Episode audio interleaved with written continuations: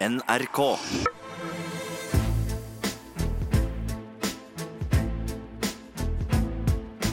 Trump mot verden med Gjermund Eriksen og Sean Henrik Matheson.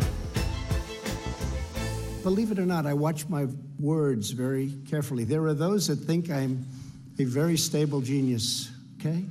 I watch my words very, very closely. Ok. Gjermund, a stable genius der altså. Helt klart. Ja. Og det som karakter, Ja. så er det fullt mulig å være enig eh, at det er et stabilt høyt nivå som karakter. Det er synd han er president, eh, men som fiksjonskarakter Ja, så er men- det jo veldig bra. Ja, men det må, det må Ja, man tenke på. ja, altså, ja, ja. Hva er det man ønsker å oppnå inni den type serier? Det er å skape karakterer som sender deg ut til ny, stadig nye følelser og opplevelser. Og gjennom de åra her Ja. så har du vært gjennom en del følelser og opplevelser med Donald. Eh, mer enn det man har vært med de fleste andre mennesker i fiksjon eller i virkelighet. Altså. Ja, ja. Så man må tenke på det som strikkball Ja. eh, og dra det i ulike retninger. Eh, og da får du en større karakter og mer kompleksitet. Donald, i anledning Jokerdagen The Joker starter i dag, folkens. Det er helt riktig premiere i dag på den filmen. Den ja, og, det er en av de, og dette er en av de største karakterene i filmhistorien. Det er god sjanse for at Joker leverer den tredje Oscaren til den samme skuespilleren. Og der er vi også en som da har den type kompleksitet, og som folk, sender folk gjennom mange følelser. Og det er paralleller mellom Joker og Donald, som vi ikke skal ta i dag. Ok, da tar en annen dag, kanskje? Ja. Ja. men Det er helt nydelig. Det er altså fra pressekonferansen han holdt med den uh, finske presidenten på onsdag vi hørte eh, fra her. Han har jo sagt det mange ganger før. Uh, Velkommen til Trump mot verden. Gjermund Eriksen og meg, Sean Henrik Matheson, vi er klare for å gi deg ukas episode. Det er som alltid veldig hyggelig at du har lastet det ned og hører på. Eh, Ja, det smeller i veggene i amerikansk politikk for tida, Gjermund. En kjapp eh, kommentar før vi dundrer på. Jeg tror at eh, det ikke er eh, feil ord å bruke. At vi kan si at nok en dag når vi setter oss ned, eh, i går kveld, så snakker vi om historisk. Historisk, altså Det kommer altså. fram historiske Ja. hendelser eh, som kommer til å prege tida som går fremover. Eh, ikke helt Berlinmurfall, det er ikke Donald avgangfall, men det er klart at når han stiller seg opp og sier 'Kina, kan ikke dere komme og etterforske min politiske motstander'? Hva er det? Altså, det er jo et fuck you til alt som foregår, er det ikke det? Altså, det er jo det han er, skal impeaches for, at han gjør det, altså gjorde det i en telefonsamtale Ja, dette- med Ukraina. Dette er ikke helt slip of the tongue. Det er, det er nok ikke genialt det at han gjør det, Nei. men han ønsker da å ufarliggjøre og normalisere den type atferd, og flytte grensene for hva eh, amerikanske presidenter eh, kan tillate seg. Ja. Så får vi se, eh, men, eh, og dette skal vi helt klart snakke mer om, Ja. om dette vil stå seg. Ja, ok. Eh, dette er altså en podkast om Trump, Donald Trump og hans verden. Vi oppsummerer de viktigste sakene som kommer fra Det hvite hus og den, det amerikanske politiske verden. Det er 4. oktober i dag. Det er eh, formiddag. Eh, Gjermund, du er eh, serieskaper. Emmy for Mammon, blant annet. Jeg kaster inn i dag. Altså, vi har ikke blir- flere med Emir enn én. Nei, men det, det, holder, det, det holder i massevis. Du veit med andre ord hvordan man lager en solid eh, TV-serie, og så følger du nærmest manisk med på alt som er av podkaster, aviser, nyhetssendinger som handler om amerikansk politikk. Du har full oversikt. Det er dag 987 av hans eh, presidentskap. Taper han, så er det 473 dager igjen. Eh, Dersom han av ikke en eller annen grunn går av før det, det har vi jo snakka om eh, at kan skje i løpet av de siste to ukene, mer enn noen gang. Det kan du trygt si, Mm. og det var helt usannsynlig for tre uker siden. Eh, Det var, I forrige uke så var jo en av de tingene jeg sa om igjen og om igjen. Pass på, Ja. det er, kommer ikke til å skje. Han blir ikke dømt til natte. Men det er større sjanse i dag enn det var forrige uke, for å si det forsiktig. okay, greit. Vi skal snakke om tre ting i dag, Gjermund. Eh, Hva er det? Det første er jo at vi kommer ikke utenom impeachment-prosessen, og den er i gang. Det har gått mye raskere og mye, blitt mye mer alvor eh, raskere enn det noen hadde forutsett. Eh, det må vi. Det andre er jo eh, etterretning, Ja. og etterretningsspesial, som vi har lovet. Ja. dette har noe med den store etterretningssamfunnet, Ja. som det heter på engelsk i USA. det det. Intelligence Community. Community. Ja. Eh, for varsleren kommer antageligvis derifra. Uh, og så må vi snakke om hva det vi prøvde å ikke snakke om forrige uke, eh, hva betyr dette for Biden? Ja. For det ønsker jo Donald, at dette skal ha negativ effekt for Biden.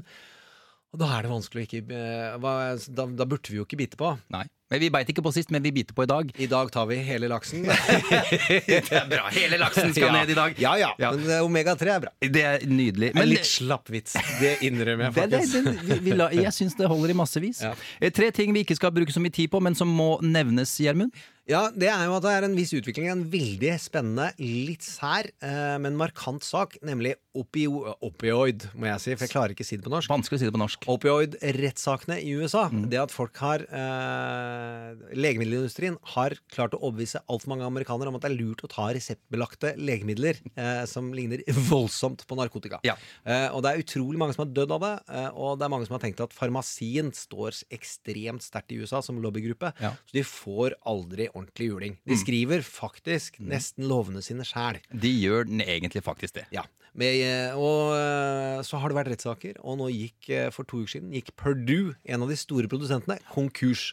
Og denne uka så viser det seg at de har dratt penger ut før konkursen. Fint. Og så får vi se hva, hva slags rettsprosess dette kommer til å bli framover. Vi skal ikke snakke om økonomi. Der er det to ting, Gjermund. Ja.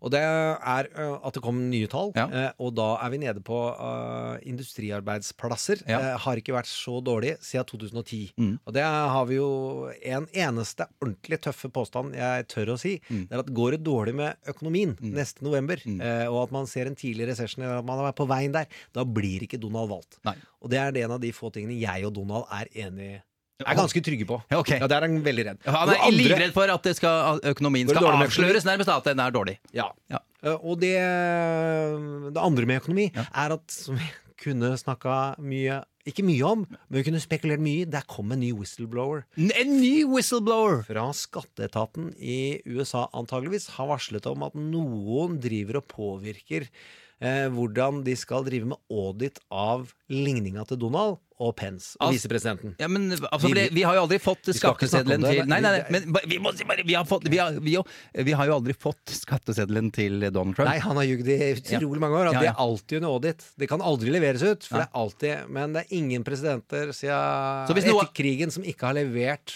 Nik, i, Fra Nixon så har alle levert sine eh, ligninger. Ja, ja. Men det er ingen presidenter som har nekta å bli ligna i det året de er president. Så han nekter det også. Som okay. er det som er problemet. En måte å fortsette å holde eh, skatteligninga ja. under eh, bordet, eller hva det nå heter. Ja. Ja, ok, greit. Eh, vi skal heller ikke snakke om slanger og krokodiller og, og vollgraver og slike ting. Nei, det hadde vært veldig moro. For det kom en bok. New York Times, eh, to journalister, som har skrevet en veldig interessant bok hvor han intervjua veldig mange, veldig fokusert på veggen. The wall. Mm. The wall. Hvordan beskytte grensa. Ja. Og hvor Donald har alvorlig i møter bedt de utrede det å grave vollgrav i tillegg til muren, hvor det skal være slanger og krokodiller. Det er, så, det er så morsomt. Jeg er dypt skuffa over at ikke Donald Trump også vil ha ildsprutende drager eh, som står og passer på Det er klart veggen. Han er jo ikke noe Game of Thrones-gutt, da. Nei, nei, Det er- tydeligvis ikke. den- Jeg vet jo ikke at den eh, er jo i Dubrovnik, den ene. Ja, ok. Vil- Hva da? Den fineste der? På ordentlig? Nei, Nei, det. nei, ok.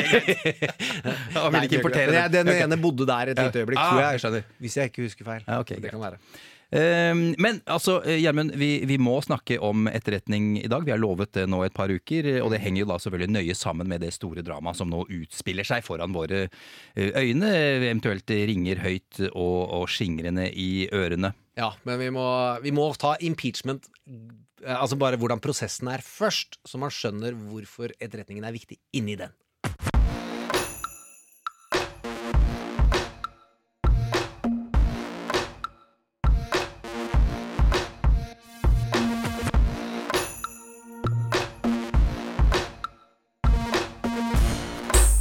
Jaggu, Gjermund, det er duket for impeachment-høringer mot president Donald Trump. Det er ikke mange ukene siden, som vi nevnte i stad, at det i bunn og grunn var helt utenkelig. Eh, Mange håpet at det skulle komme etter eh, Müller-rapporten. Det skjedde ikke. Ikke nok bevis. Jeg vil si Bob Müller lot Kongressen avgjøre om det var gode nok bevis, og lot de få ta ansvaret. De bestemte seg for å la det ligge. Men så, så ringte Trump Ukraina og laget sine helt egne bevis eh, mot seg selv. Kort oppsummert, en varsler fortalte at Trump i en telefonsamtale med Ukraina ba om hans politiske motstander, ba om at han politiske motstander Biden skulle etterforskes, og for den tjenesten, the favor, skulle Ukraina, eh, så skulle eh, så skulle Ukraina motta penge- og våpenhjelp. Og forrige torsdag så kom eh, transkripsjonen av eh, denne samtalen. Gjermund, det viktigste som har skjedd siden sist, hva er det? Ja, det er eh, Jeg vil si at det begynte rett etter at vi var på lufta. Vi snakka jo om at den transkripsjonen eh, Det er ikke det alltid bare the crime, det er også the cover-up. Yes. For det kom fram at det lå på en supertopphemmelig server. Code Code Red Server, var det ikke Ja. den heter? Ja. Jo, og der uh, sa vi at det kan, vil det være interessant at de systematisk virker som de lagrer noe der. Mm. Og New York Times var ute to timer etterpå at der ligger samtaler med Putin, og der ligger samtaler med Saudi-Arabia-lederen, denne journalistparterende. Ja. Han liker vi ikke, eh, fyren. Eh, og da dro det toget i gang, og så gikk en som da kalles eh, Han han kalles ambassador Kurt Volker av. Eh, veldig raskt. Mm. Han er ikke ambassadør til Ukraina, han var spesialutsending for å eh, passe på at, eller prøve å få til fred der. Mm. Eh, og det ble jo da veldig mye spekulasjoner i hvorfor og hvordan, og blir han presset ut? Er det fordi han har gjort noe kriminelt, eller er det fordi han eh, som eh, sivil altså ikke er forpliktet til å ikke fortelle hva som skjer i regjeringen? Altså, han, han, han, trenger ikke for fortelle hvis han, eh, hvis han, blir bedt om det. han eh, må Nei, da kan han ikke si at han er under eh, executive privilege. Nettopp. Altså at Donald kan si du har ikke lov til å snakke så lenge han har jobb. Men når han er fri, da kan han si det han kan for Kongressen. Og der satt han i ni timer i går. Ja. Eh, og vi vet ikke veldig mye fra de høringene, bortsett fra at det har fått enda mer skriftlig bevis på at her har det vært quid pro quo.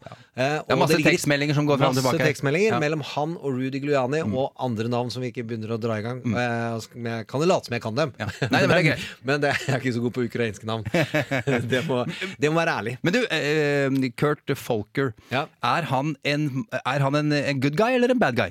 Det vet man ikke helt. Gjennom de tekstmeldingene så virker det som han er, har en utrolig innsmiskende tone med Rudy Giuliani. Uh, og det kan jo være for at han er topptrent diplomat. Volker er ikke etterretningsagent.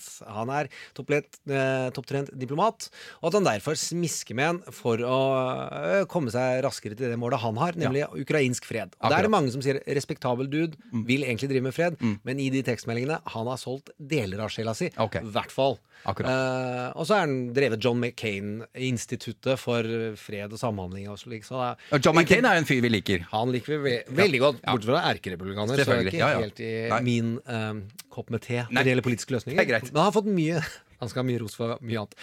tilbake. Jeg skal tilbake til hva uh, som skjedde denne uka. Ja. Er jo at uh, mye tyder på at Donald faktisk er redd. Ja. Han er redd, ja! Hvorfor det? Nei, det kan man se på at uh, utrolig raskt etter at transkripsjonen kom ut, så sier han det er nothing to see here, men Barr var med. Ja, Altså ja, ja. justisminister Barr var med, og uh, utenriksminister Pompeo var med, Ja. og Pence var med. Så han er utrolig rask til å samle tre utfordrere eller folk som kan begynne å ta avstand fra han, eh, raskt og gjøre de til medskyldige. Og så kommer det også fram at det er de.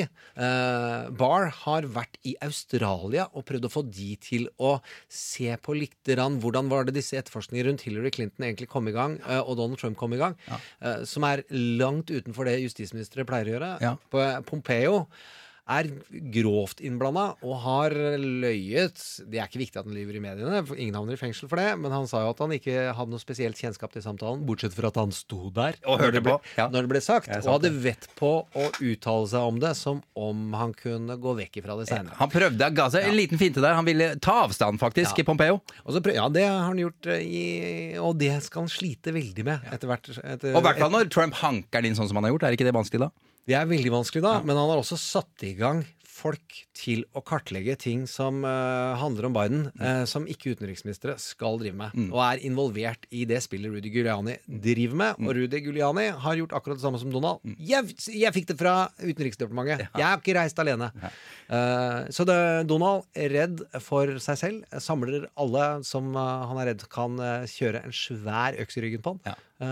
Og det kan komme flere. Allerede på jeg tror det var på tirsdag, så kom det en spesialutsending, eh, det som kalles Inspector General. Da kan dere gå tilbake til forrige sending og høre hva det er. Men det er i hvert fall de som skal overvåke eller drive med oversight av etterretningsorganisasjonene Ja. eh, og departementene. Han hadde sett at i Utenriksdepartementet, den ene generalen som har eh, Inspector General som har ansvar for det, at det var noe fishy rundt Pompeo. Og da varsla han åtte komiteer. Og dette er da ganske Da er det veldig alvorlig, og de måtte, han måtte komme nå.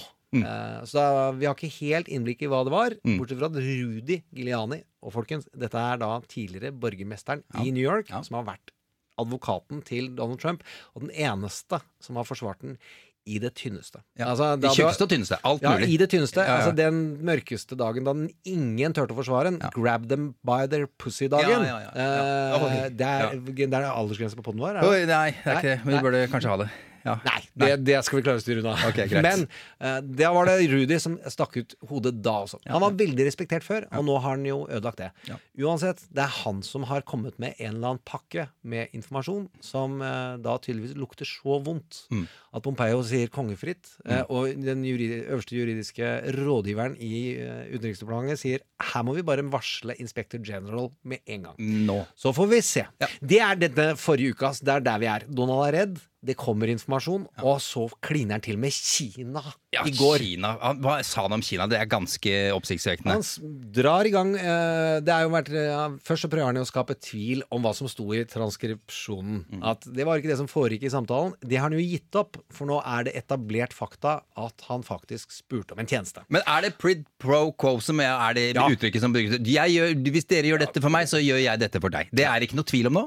Det er ingen tvil om eh, i en politisk og moralsk sammenheng. Om det står seg juridisk, eh, det er ikke viktig, for impeachment-prosessen, hvis vi skal bare gå helt grunnleggende på den, det er ikke en juridisk prosess. Den Nei. skal ikke stå seg etter amerikansk lov. En president kan ikke dømmes etter, eh, etter lovregler, det er etter high crimes and misdemeanors. Ja. Det er riktig. Og- ok, det er fint. Nå fortal... og- Ja, ja. vær så god. Og, det er, eh, og den standarden møter den helt fint med at de, han har bedt om motytelser. Og da er det ikke bare i den transkripsjonen. Nå har det kommet fram gjennom tekstmeldinger og flere, må, flere samtaler eh, som eh, folk har fortalt om, som har vært, og at Pompeo har vært med å understøtte. Eh, og aller viktigst, han sa det sjøl i går. Ja, han sa det selv. Og det, i bånn her så ligger jo da Ja. Ukraina-samtalen. Selvfølgelig. ja, det var det han sa om Ukraina. Og så og I tillegg så ønsker jeg at Kina kan etterforske Biden, for han har jo også jobbet der, denne godeste sønnen. Eh, og der er det milliarder. Og han bare slenger ut eh, påstander eh, for å se om hva som setter seg. Og da har han gjort det som dro i gang mye av etterforskningen forrige gang, hvor han sa Russia, if you're out there, please get me your emails. Drar han i gang da med Kina. Eh, altså, vi, hvis vi går til impeachment, hva har vi lært av historien når det gjelder impeachment, eh, Gjermund? Det er jo ikke veldig mye. Og det er der Nå renner det ut artikler og podder, eh, og det er jeg glad i alle sammen. Eh, Og de flinkeste, og dem er det mange av, sier jo at vi har veldig få. Ja, det er, det er to stykker før. Ja. Ja. det er tre. Til sammen nå. Ja. Høringer. Ja. Og eh, der er det De er veldig forskjellige, så Mm. klart. Og det ene er Johnson eh, eh, på 1800-tallet. Andrew Johnson, eh, 1865 til 1869 var han president. Ja. Mannen som kjøpte Alaska, faktisk. Artig fun fact der. Ja, det, var- det var et godt kjøp. Ja, det var det. Men eh, det er altfor lenge siden. Eh, hvis du ser på Nixon Det så- gjaldt slaver, forresten, bare for å si det også. Det gjaldt, Han var ikke noe særlig kul mot slaver etter, etter borgerkrigen. Ja, Nei, det han var ikke det. Ikke det hele Ja. Og hvis du eh, ser på Nixon-prosessen, så er det én ting som eh, kom eh, ganske tydelig frem. At det å forberede en høring, det vi går inn i nå, at det er en impeachment-høring Den tidsgrensen som Pelosi har satt for seg at det skal komme i januar, det er identisk med Nixon-høringene. Altså den tiden de bruker fra de setter i gang høring, og til da. Så tok det åtte måneder før man fikk ut det som kalles en smoking gun. Vi har fått smoking gun på en og en halv uke. Ja. Så det er jo spennende, men da er det ikke så mye å lære av det. Eh, og så er det en ny standard for smoking guns. Så, for da var det et helt hårreisende at en president innrømmet at han har gjort noe galt. Det gjør jo vår på daglig basis. Ja. Det var en overdrivelse, men han Ja. gjør det litt han Det er ikke så langt unna. Nei, det er ikke så langt unna.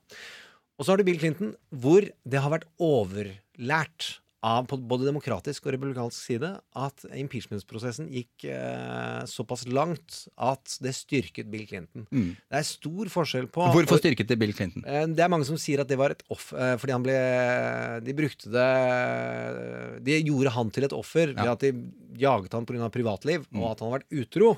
Og en regelrett metooer eh, etter dagens standard, Ja. får han si. Det er ikke lov å drive med intern. Nei, det skal man ikke gjøre. Skulle ikke det da heller. Nei. Men da var det en annen standard. Vi går videre. Dette er en minefelt. Ja, det, er, det er helt grovt, det han gjorde. Ja. Men de amerikanerne syns det der var for gærent, og så sier alle at det var derfor han ble gjenvalgt. Han hadde også en sinnssykt sterk økonomisk vekst, som man kan krangle om var pga. hans politiske håndverk eller ikke, som han hadde i ryggen. Eh, Men kombinasjonen privatliv, eh, privatangrep og økonomisk vekst er ikke det Donald har. Okay. Han har misbruker sin stilling til eh, å berike seg selv, Ja. og eh, ikke helt sikkert økonomisk vekst. Hva vil strategien til Trump være? Den tror jeg ligger veldig uendret, i den forstand at han gir, vil ikke gi noe informasjon. Han vil at folk skal, at de skal angripe han absolutt hele tiden. Få informasjon, få informasjon. Vi vil granske deg, granske deg, granske deg. For de vil granske på flere steder enn der de finner. Akkurat. Og han trenger at det går tid. Han vil bare går- bruke tid, liksom. Ja. jo, men han vil også få opp forventningene ekstremt okay. i hver granskning. Ja. For det er noen steder hvor de ikke ser noe. Og jo flere ganger folk går inn og skriker 'her tror vi det er noe', og så er det ingenting. Mm. Det som man kan si at skjedde med Mueller på collusion-sida, hvor det var sånn 'Å, han har, vi har bevis på at han har samarbeida med Russland', fant ikke bevis på det. Nei, da blir det veldig Ja. ullen stemning Ja. i USA, og så går opinionen i Donald sin retning. Det ønsker han. Så var det obstruction. Det var det ingen tvil om. Nei. Fra, men ny Jeg har så behov for å si det hver gang. I hvert fall, Det tror jeg er Donalds strategi. Eh, å få maks ut av det. Eh, så får vi se om han må endre den. Eh, takk skal du ha, Gjermund. Eh, Altså, vi skal nå Ja, vi er i ferd med å gå inn i, i etterretningsfortellingen som vi har flagga i noen uker nå. Eh, det skal vi snakke om nå.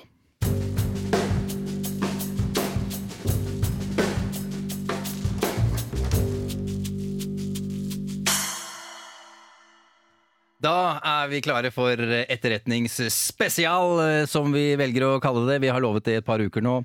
Eh, Det var altså Trumps egne etterretningsorganisasjoner som satte i gang denne impeachment-prosessen. Jeg sier Trumps egne fordi han som president er deres øverste leder, og jeg sier satte i gang fordi det var en som eh, da jobber, eller jobbet i en av disse organisasjonene som varslet om Ukraina-samtalen til kong, Kongressen.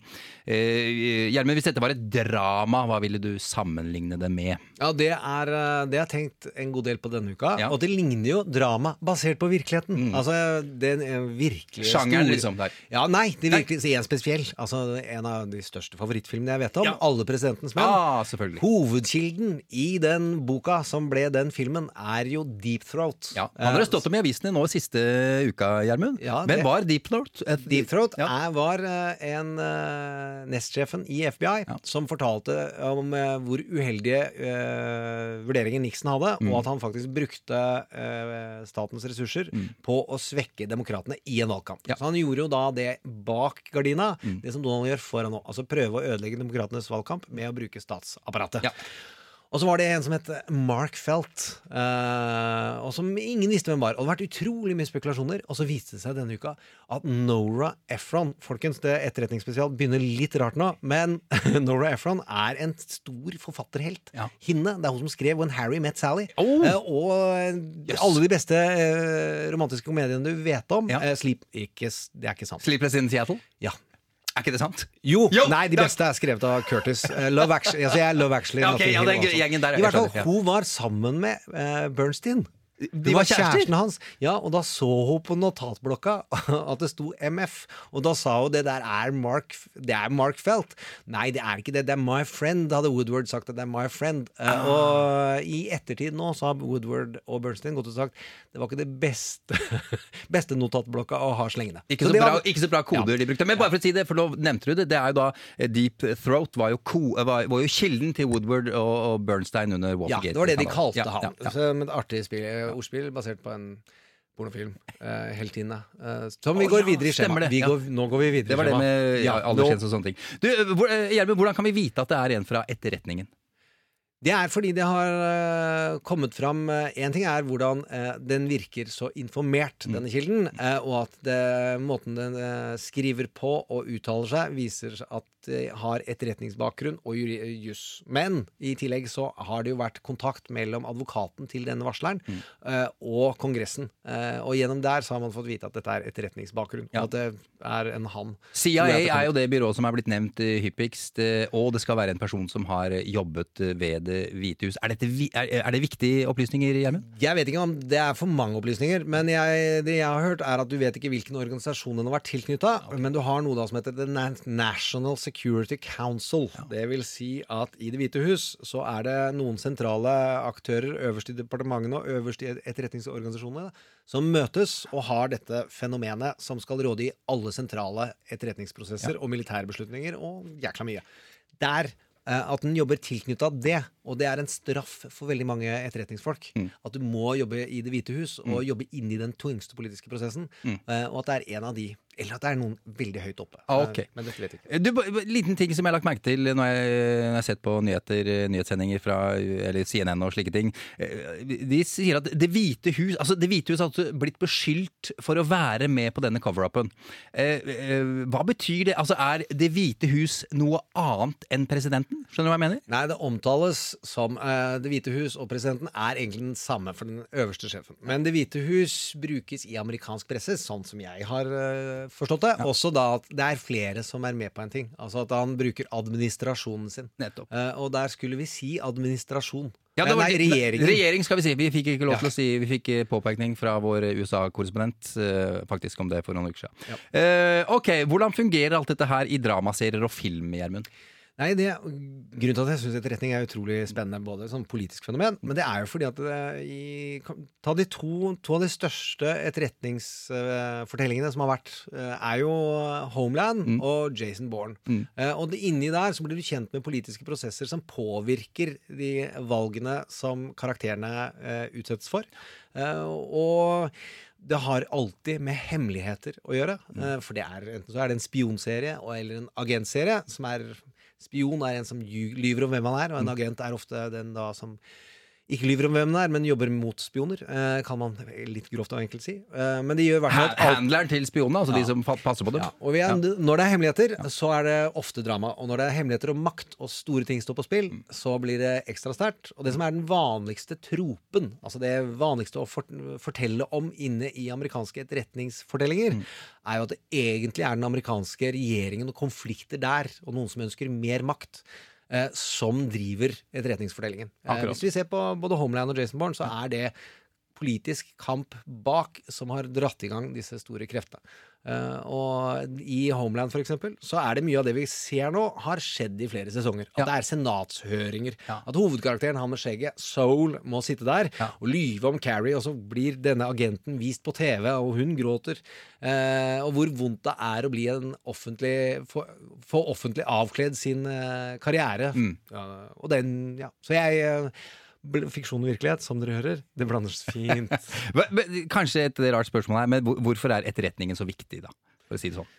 Det er eh, helt sjokkerende hvor stort det er, Ja. syns jeg. Ja. eh, når jeg begynte å skulle eh, eh, gjøre litt research på det området for Ja. en del år siden. eh, og finne ut at det er et eller annet sted mellom 800 000 og 1 million mennesker som jobber med sikkerhetsklarering innen amerikansk etterretning. Eh, de har et sta, En tredjedel av det norske statsbudsjettet går kun til da former for spionasje, og da er det militæretterretningen utenfor. Eh, så det er utrolig mange mennesker. De eh, bruker veldig store ressurser på dette her. USA er en spionnasjon. Ja. Er en ledende spionnasjon. Ja. Eh, aner ikke hvor mange russerne har og kineserne har, men i hvert fall USA har ekstremt mange. Det er hver 300. person i USA. Nei, det er Jeg har satt på spissen, så er det hver 300. Men mange- 16 000 i Norge vil det tilsvare. Hvor, hvor, Hele mange Oslo jobber i etterretningen i USA. Det hadde vært sinnssykt. Hvor, hvor, hvor mange etterretningsbyråer finnes det i USA? Ja, Det finnes 17 offisielle som er knytta til eh, denne National Security Council. Eh, eh, så er det 17. Og så er det utrolig mange ja, Jeg setter tall som 3000 under underavdelinger og underorganisasjoner og som er små administrative enheter med egne budsjetter. Og så tror jeg eh, 30% av det er privat. Privat? Ja, og det har du jo sett utrolig mye i film. ikke sant? Disse svartkledte menneskene som løper etter våre helter og egentlig jobber i The Extra Lux Jeg skjønner, ja. Company. Det er veldig vanlig. Ja. Tenk på Snowden. Ja. Han eh, jobbet jo med amerikansk etterretning for et privat selskap. Hadde tilgang på de øverste hemmelighetene.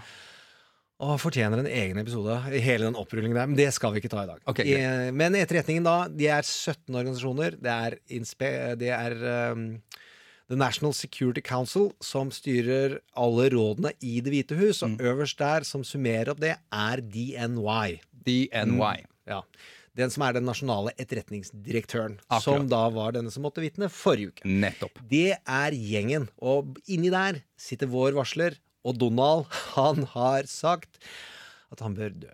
Han har sagt det, faktisk. At eh, så I gamle dager så skøyt vi sånn som deg. Ja, og de som snakker med den også. Ja. Og det er jo det som skjer i disse spionfortellingene, mm. er at du får statsadministrasjonen etter deg. At du blir et problem for den sittende presidenten. Det hører dere at dere har sett på TV. Hvis dere ser noe som helst av eh, serier med presidenter, så er det det som ofte skjer. Og jeg antar at de har voldsom makt, eh, disse etterretningsorganisasjonene.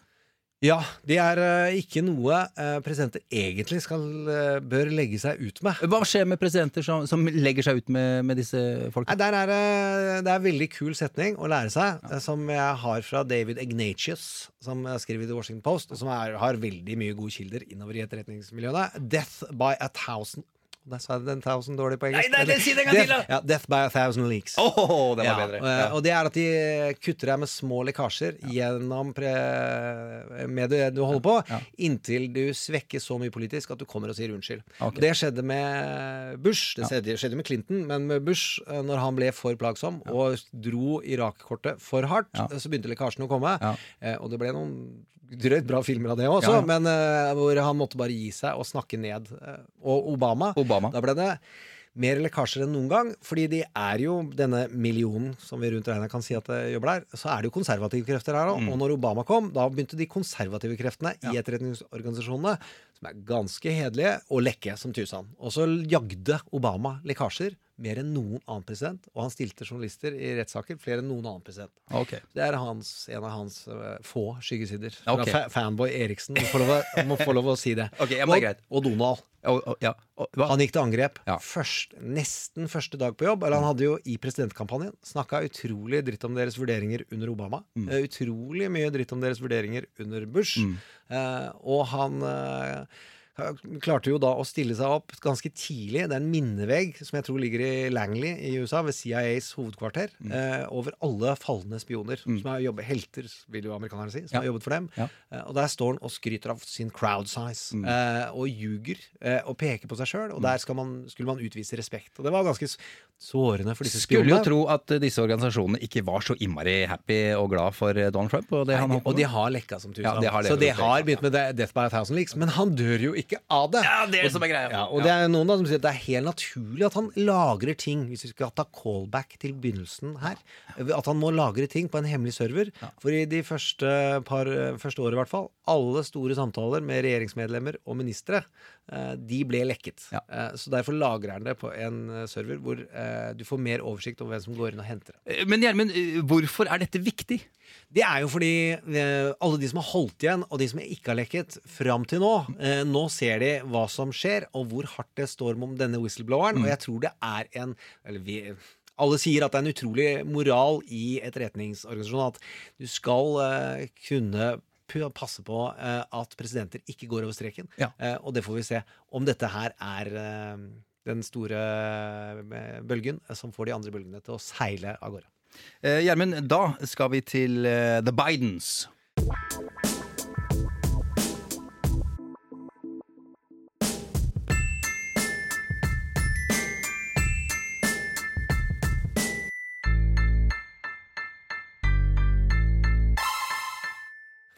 Det er én person eh, Donald Trump vil at eh, Ukraina-saken skal handle om. Forresten, Gjermund, har du fått noen navn ennå? Er, er Ukraina Gate? Biden Gate? Er, er, har du Jeg hørt har ikke sett at det har Nei, satt seg. det? Ja. Det tror jeg kanskje er noe med sier noe om størrelsen på saken. Okay. Altså At den eh, skal ikke havne i skyggen av den, hvis man bare ser litt språkteoretisk på det. ja, ja. At uh, En ting er at det har gått inflasjon i Gates. Ja, ja, for. Alt er jo Gate. Ja, Men uh, det her uh, tror jeg eh, antakeligvis ikke blir noe gate. Fordi, Eh, fordi det er for stort, sier du? Det? Vi, vi har brukt slitt forslitt begrep gate. Ja, og at det er for stort og for brått. Ja. Så det rakk ikke noen å coine til Ukraina-gate. Det Virker litt meningsløst, Ja, det siden dette. Ja. er et stort land og innpris... Dårlig forslag, jeg angrer. Nei, nei, det er ikke du din forslag. Det er, det er helt sikkert brukt. Men det har ikke blitt uh, sånn, okay. som det har, sånn som det har satt seg. Men, men altså denne personen, eller det er to personer egentlig. Det er Joe Biden og hans sønn Hunter Biden.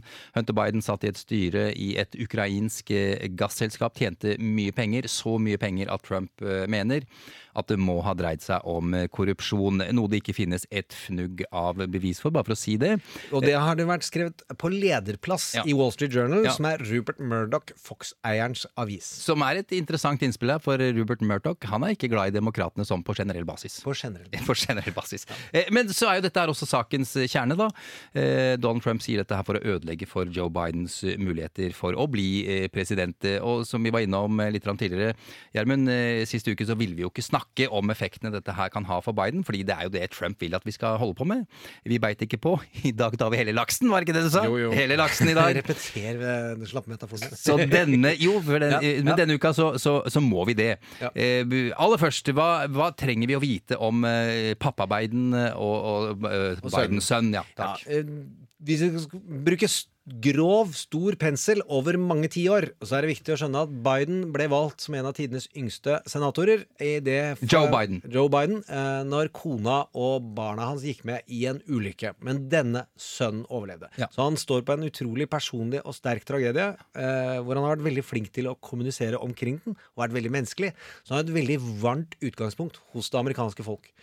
Og denne sønnen har vokst opp og tydeligvis blitt advokat, eh, og lever ikke sånn som meg eller deg, eh, men har da et ruskete liv eh, i forhold til at han bruker, blitt sett med noe dop og noe alkohol, Ja, ja. og sitter i styrer og stell og jobber i et fancy pants eh, advokatkontor. Går jo for å ha levd veldig på sitt fars navn og rykte Ja, Biden og er ikke alene om det i Nei, amerikansk politikk. Ja, og det er, eh, har ikke vært slik at du faller pga. barnas oppførsel eh, i amerikansk politikk, men det kan jo alltid snu seg, og i hvert fall tenkte Donald og Rudi Rudy dette. Og da er det et kjent fenomen i New York. Det sto om det visstnok i New Yorker hadde en egen artikkel New York Times hadde egen artikkel om det i fjor. og prøvde å si noe om at dette kan være problematisk. Mm. Så dette Ukraina-oppholdet hans og det styrearbeidet, det har vært kjent. Ja. Og da tenker de her kan vi gjøre 2016 om igjen. Ja, Hva betyr det?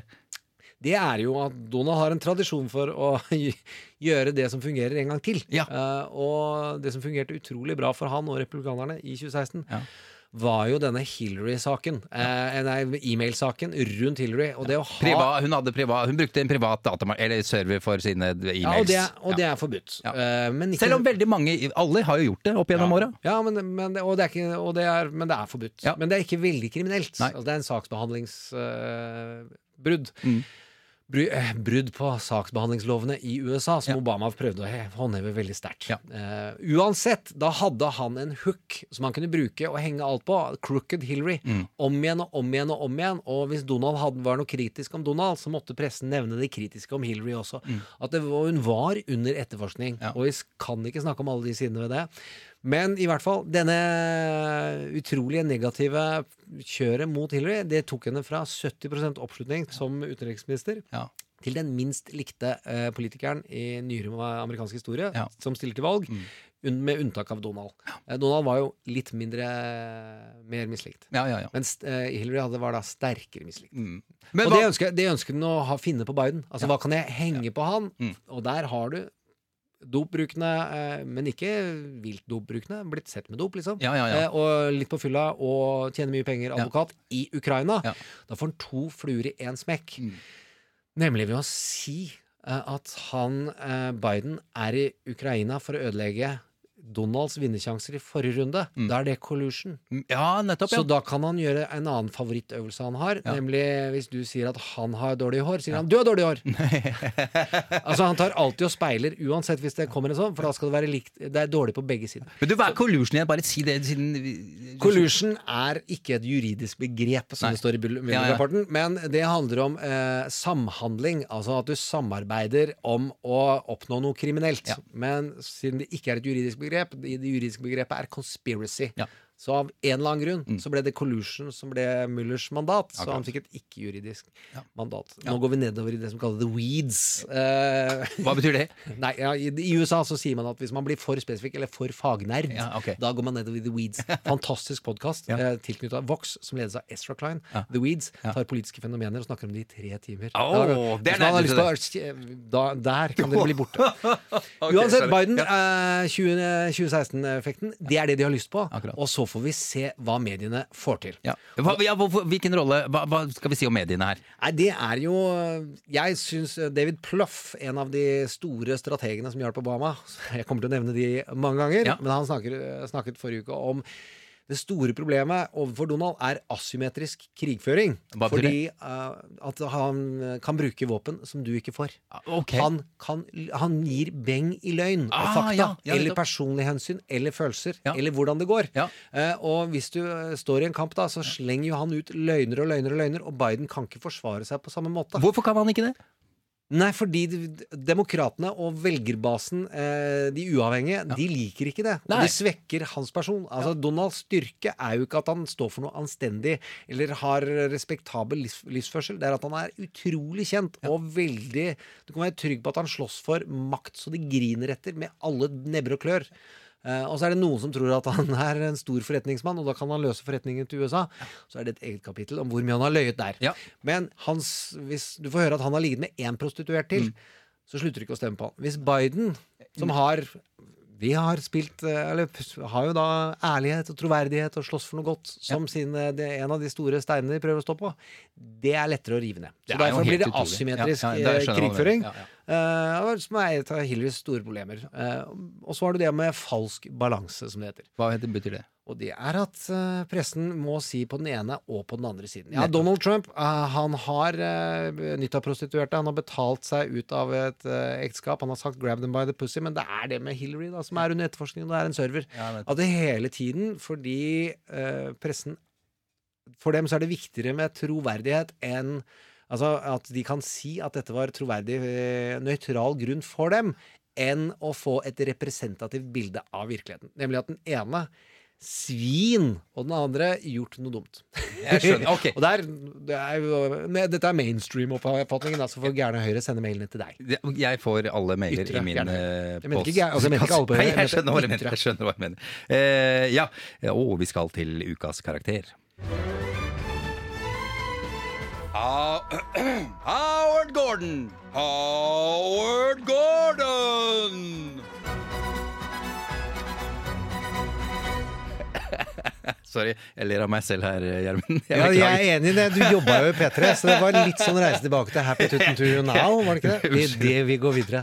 Howard Gordon. Vi har ja, ukas karakter. eh, En, en person, Howard Gordon. En, En av mine største helter. Ja, dette er en spesiell person i, i ditt liv. Jeg, vet, jeg ser at du blir blank i øya nå. Howard eh, Gordon, hvem er det?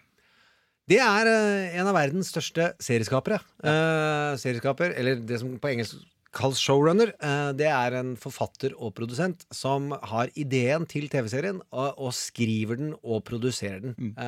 og Howard Gordon har lagd noen av de største tingene som eh, har gått på TV. Ja. Og Homeland er den han er mest kjent for, og den som har mest sånn kredibilitet. Eh, fordi der kom han dypere eh, i sitt karakterstudie av karakterene og politiske fenomener. Han hadde 24. Ja. Eh, Jack Bauer. Han leda ikke den hele tiden fra start. Det var en annen som var showrunneren, men han var med fra dag én og er der fortsatt. Og da snakker vi sesong ti, som er noe helt annet enn Homeland. I både politisk og ideologisk, men også hvordan den forteller om etterretninger. Ja. I 24 så ble det en heltefortelling for uh, Dick Cheney blant annet, om hvordan du skal torturere deg fram til sannheten, og alt er lov så lenge du stopper en bombe. Og de gikk så langt at Dick Cheney etterligna 24 i hvordan man skulle eh, gå fram. Er det, han, han eh, fikk et Det slags sier- manus fra eh, ja. Det sier jo da aviser som Ja, har satt ja. seg inn i det. At okay. de så på 24, og så begynte de å kopiere den type holdning. Wow. Eh, ja, det, Det er ganske vilt. si. Mens Men- Homeland Ja. Other way around. Ja. Eh, der eh, ønsket man å studere hva er effekten av eh, USA som voldsmakt. Ikke USA som en heltefortelling om hva slags voldsmakt det er, men reaksjonen på 11. september. Hvordan den, det hatet har oppstått, og kan ikke, altså det er, De var forferdelige, de terroristene som gjorde det. Ja, ja. Men det er bipolart. Ja. Som er kjerneideen i eh, Homeland. eh, at det er grått og hvitt og svart på begge sider. Akkurat, ok. Gordon var her i, i Norge forrige uke. Hva gjorde han her? Han eh, var, eh, holdt foredrag på Seriedagene, som er eh, en stor tilstelning. altså Det samme som en filmfestival, bare at det er for TV-serier. Og jeg syns det er ekstremt stas at de har kommet til verden. Og det, men det er ikke som filmfestivaler hvor det er røde løpere og masse fancy spancy. Det er publikum, og det er fag, faggreier. Men da kommer han og holder foredrag om hvordan han jobber, og så inspirerer han bransjen, og så møter han publikum. Du uh, traff ham uh, hva, Vi skal høre litt etterpå, men hva snakka dere om? Nei, det var utrolig kort tid man får med sånne stjerner. Eh, men vi fikk snakke om to ting som har fascinert meg veldig. Er hvordan han har skapt flere presidenter som har truffet mer enn de fleste andre i verden. Eh, og han har også et tilnærming til research som er helt imponerende. For de som har sett Homeland, så eh, skjer de hendelsene De er skrevet seks måneder før de går på TV. De er utrolig raske, men det oppleves som at det skjer akkurat nå. Fordi at de har veldig god samfunnsinnsikt. Vi kan jo høre hva han sa om eh, hvordan han eh, Skapte den første, første svarte presidenten i, eh, som har gått på en mainstream brei kanal som Tusan. Eh, og dette var et vilt stort fenomen på 90-tallet. Det var fra serien 24. On, on 24, um, David Palmer was a black president, and interestingly, his blackness meant something symbolic in that he kind of represented our grave national sin, which is slavery, the aspiration, which seems naive at the time. Yeah. Obviously, then we proceeded to have a real black president, um, and that I, I- I'm not sure that that healed things as much as picked the scab on a deep national wound. But nonetheless, that was the idea, and that was what was ultimately worth preserving and protecting in the case of Jack Bauer's first year on 24.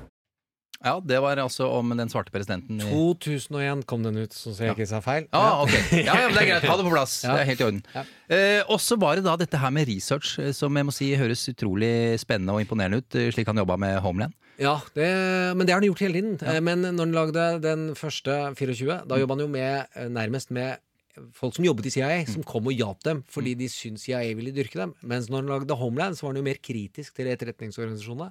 Eh, Og da er det andre måter han kunne få informasjon på.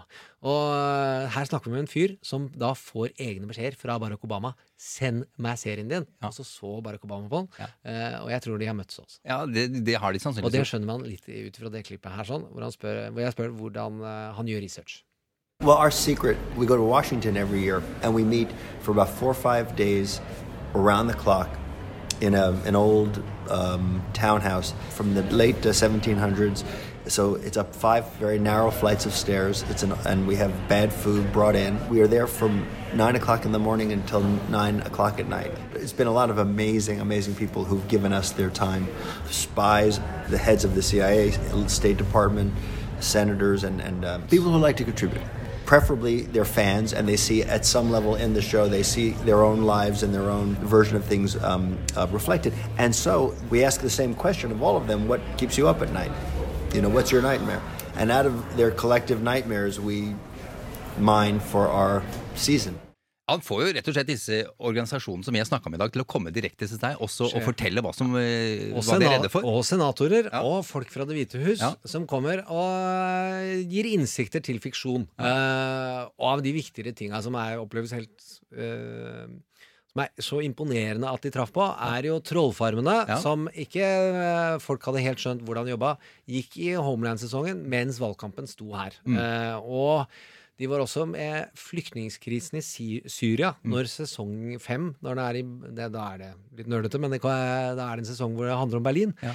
Da tar de flyktningkrisen eh, som renner innover Europa, eh, før den kom. Ja. Altså De skrev om den. Den er spådd at det der kommer Assad eh, og Putin til å prøve å skape. Mm. Eh, og det lager de da en fantastisk sesong på, hvor de er i Berlin, og hvor Carrie, som er hovedkarakteren, Mm. En av de mest imponerende karakterene som er skapt, eh, virkelig får kjørt seg. Mm. Men det um, at han lagde den svarte presidenten, eh, Palmer, som er da før, i 2001, så varma det opp tanken Ja. på at du kunne få en svart president. Når da statsvitere ser tilbake på hvordan man klarte å endre eh, folks holdninger til Barack Obama, så man, er det folk som begynner å si at TV-drama endrer verden. Akkurat. Største eksempelet, hvis vi skal ta en fun fact helt på slutten, som er litt på den lyse siden. Ja. Endret syn på homofili, eh, som da George Bush vant deler av valget, valgseieren basert på at han var imot homofilt ekteskap. Ja, ja. Det røyk som grunn av sitcom. Ja. Eh, hva heter den med de to lykkelige homofile mennene? Uh, Will and Grace. Will, Will and Grace, ja. At den eh, kulturelt viste at det går an å være jækla lykkelig. Helt normal. Du kan ikke dømme. Noen, noen kan eh, snakke inn i lystoner, og noen det er en utrolig kjekk mann, og det er helt naturlig. Ja. Og det endra opinionen utrolig raskt. Men eh, Laura, eh, Laura Palmer Annen serie. Men president Palmer, Ja. ja, det varma opp. Så kom Barack Obama, holdt sin dundertale Ja. i 2004. Og kom i 2007-2008. Eh, inspirerte han West Wing, og så ble han president. Howard eh, Gordon eh, der, altså.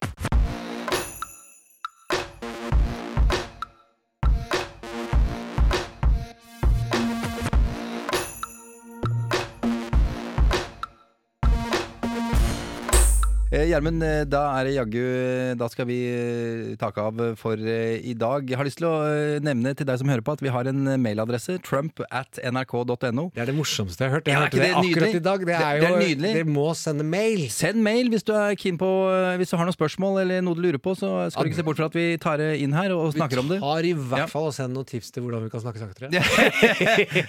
Eh, og eh, du som hører på, igjen, eh, gå gjerne inn på, på iTunes eh, og gi oss en eh, rating. Det hadde vi satt pris på. Trump mot verden med Gjermund Eriksen og Sean Henrik Matheson.